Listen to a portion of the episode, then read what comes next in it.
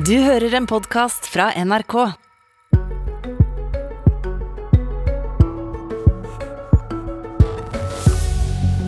Navn. Hans Christian Holte. Alder. 57.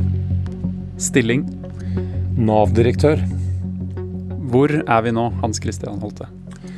Du, nå sitter vi i en eh, gapahuk som er bygget rett ved Fyresjøen, som ligger rett nedafor Høge Varde. Et uh, fjellområde et par timers eh, kjøring fra Oslo. Hvor ofte er du her?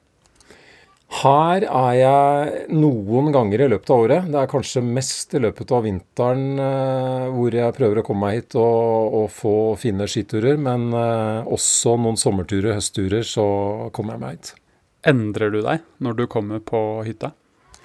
Ja, det tror jeg nok at jeg gjør i, på den måten som kanskje veldig mange eh, nordmenn gjør. Altså at vi slapper av, at vi blir eh, ganske Finner roen, rett og slett. Hvordan vil du beskrive det norske arbeidsmarkedet sommeren 2022?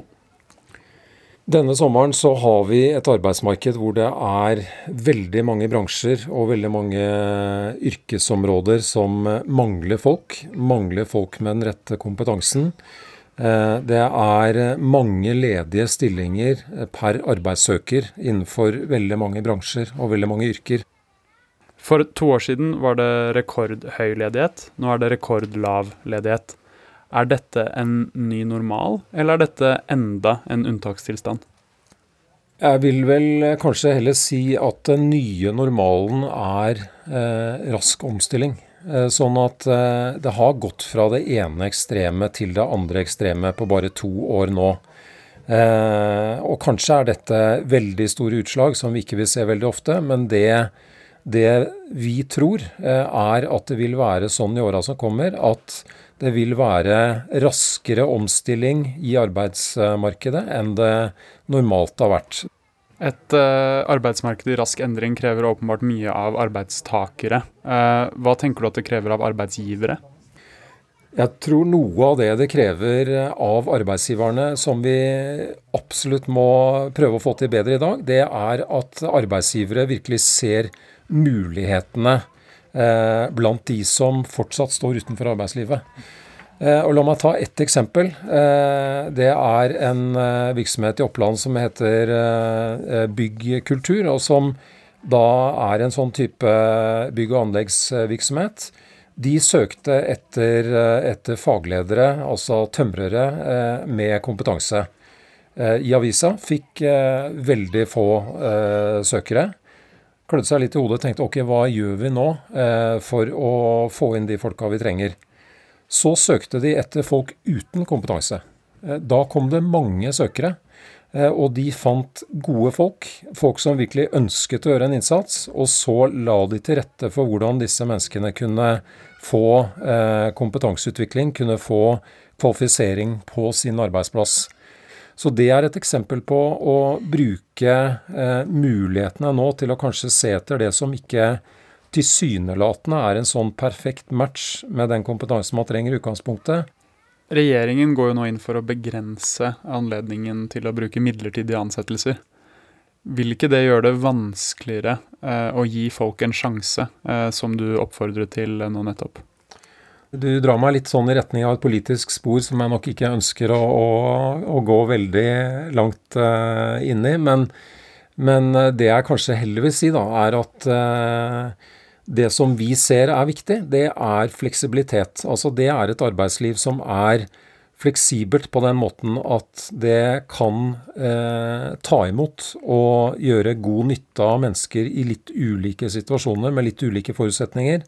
Og med det så tenker jeg på at noen vil kanskje ha behov for å jobbe deltid. Noen har kanskje en form for eh, helsemessige utfordringer som gjør at ikke de vet helt når de må ta seg en pause fra arbeidslivet. Andre trenger kanskje litt mer tid, altså de jobber rett og slett litt saktere. Det høres ikke ut som du synes at faste heltidsstillinger er den eneste gode måten å jobbe på.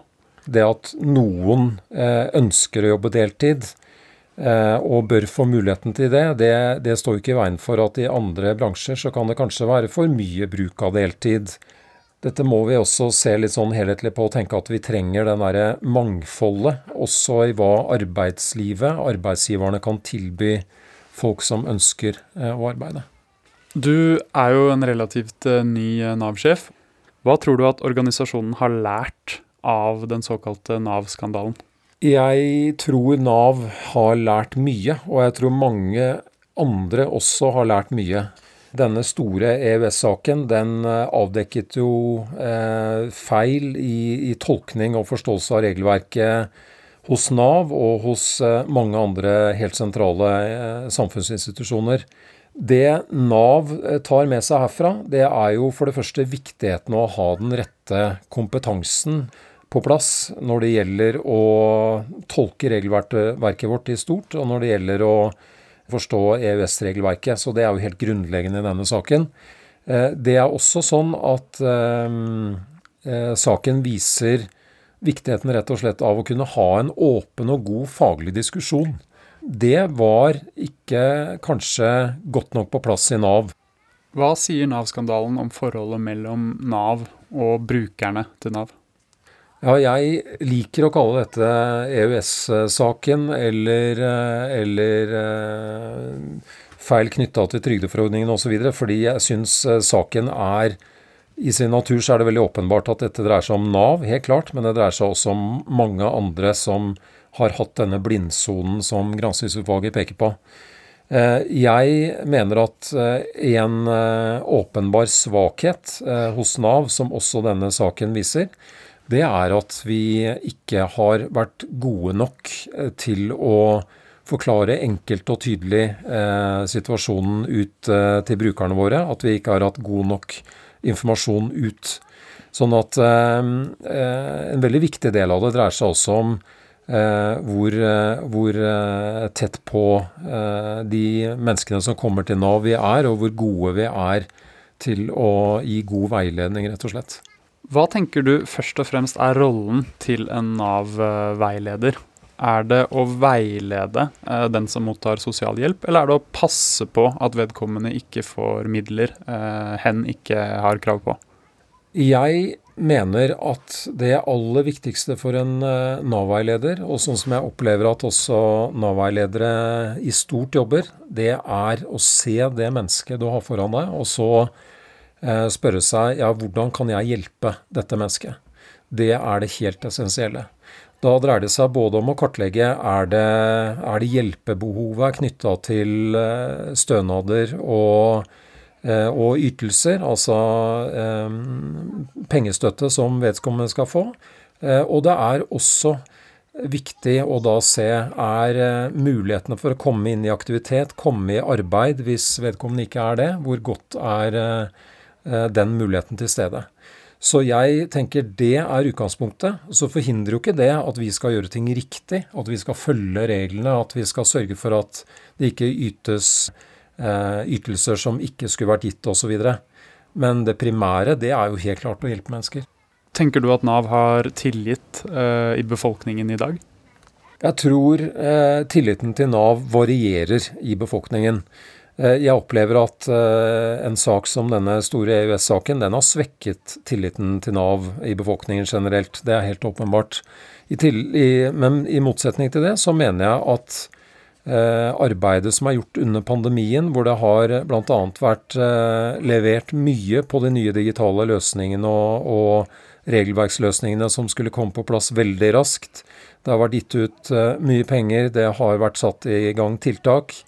Eh, vi får veldig mange gode tilbakemeldinger på den innsatsen som er gjort eh, under pandemien.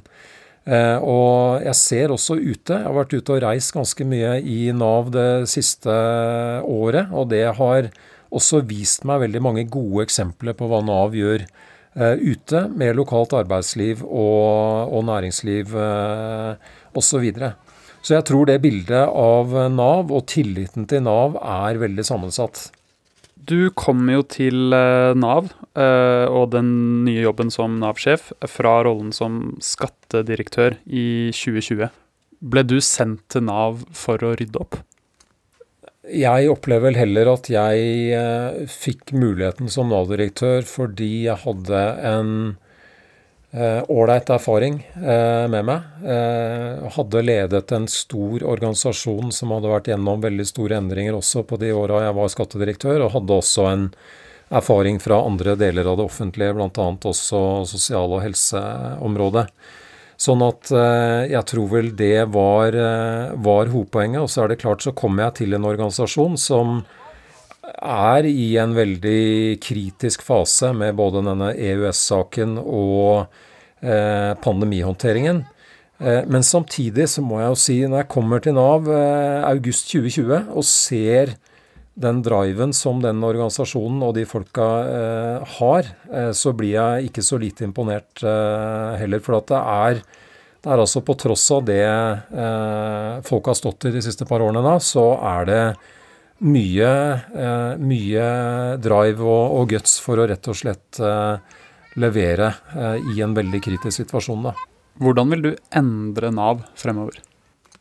Jeg eh, tenker at Nav må utvikle seg videre når det gjelder eh, hvordan vi møter eh, mennesker som kommer til oss. Det er helt essensielt for meg. Og det dreier seg om å rett og slett ha enda lengre framme og jobbe systematisk og intenst med disse møtene vi har med brukerne våre.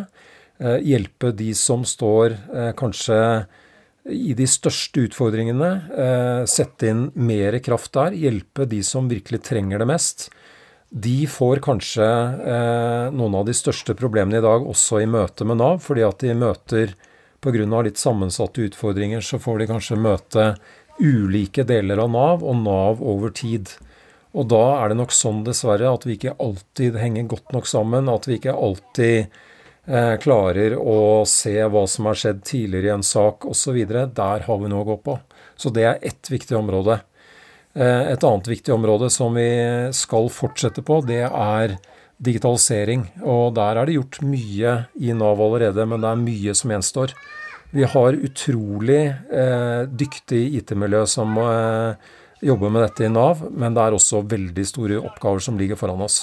Så det å virkelig jobbe med at eh, du og jeg og vi som trenger ytelser på et eller annet tidspunkt, uh, og ønsker å bruke enkle digitale løsninger, uh, får det. Det er også en, en, veldig viktig utvikling som vi trenger. Så det er den andre store ambisjonen. Den tredje den går på arbeidsmarkedet og nettopp det at raske omstillinger det krever et Nav som også er på tross av sin størrelse, da, veldig lettbeint og klarer å snu seg rundt og hjelpe arbeidslivet i situasjoner hvor det virkelig trengs. Nå er vi i 2022. Eh, hvis vi ser fram mot 2030, hvilke grunner til optimisme og til pessimisme ser du i Nav sine tall?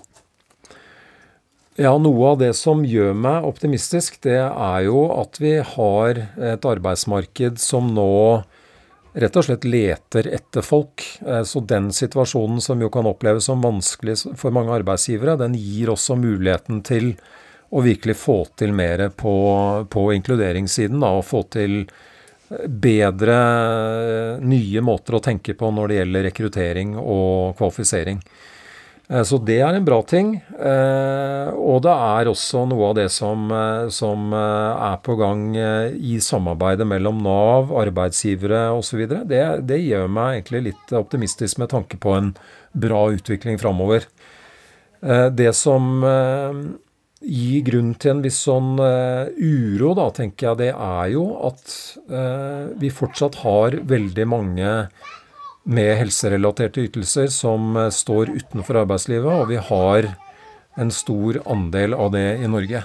Så det å forstå bedre hvorfor det er sånn, og lete etter løsninger som kan få eh, også flere i den gruppa mer i aktivitet og arbeid, det, det, tror jeg er viktig. Men det er nok en sånn litt mørkere sky på, på horisonten, egentlig. Oppe på Høge Vard i dag er det jo ganske kaldt. Uh, har du varmere sommerplaner i ukene som kommer? Det er spådd eh, Her oppe i så er det spådd eh, noen og 20 grader i morgen, faktisk. Så her kommer varmen til Høge Varde, så jeg slipper å reise andre steder akkurat nå. Hans Christian Halte, tusen takk for at du var med i Sommerkvarteret. Bare hyggelig.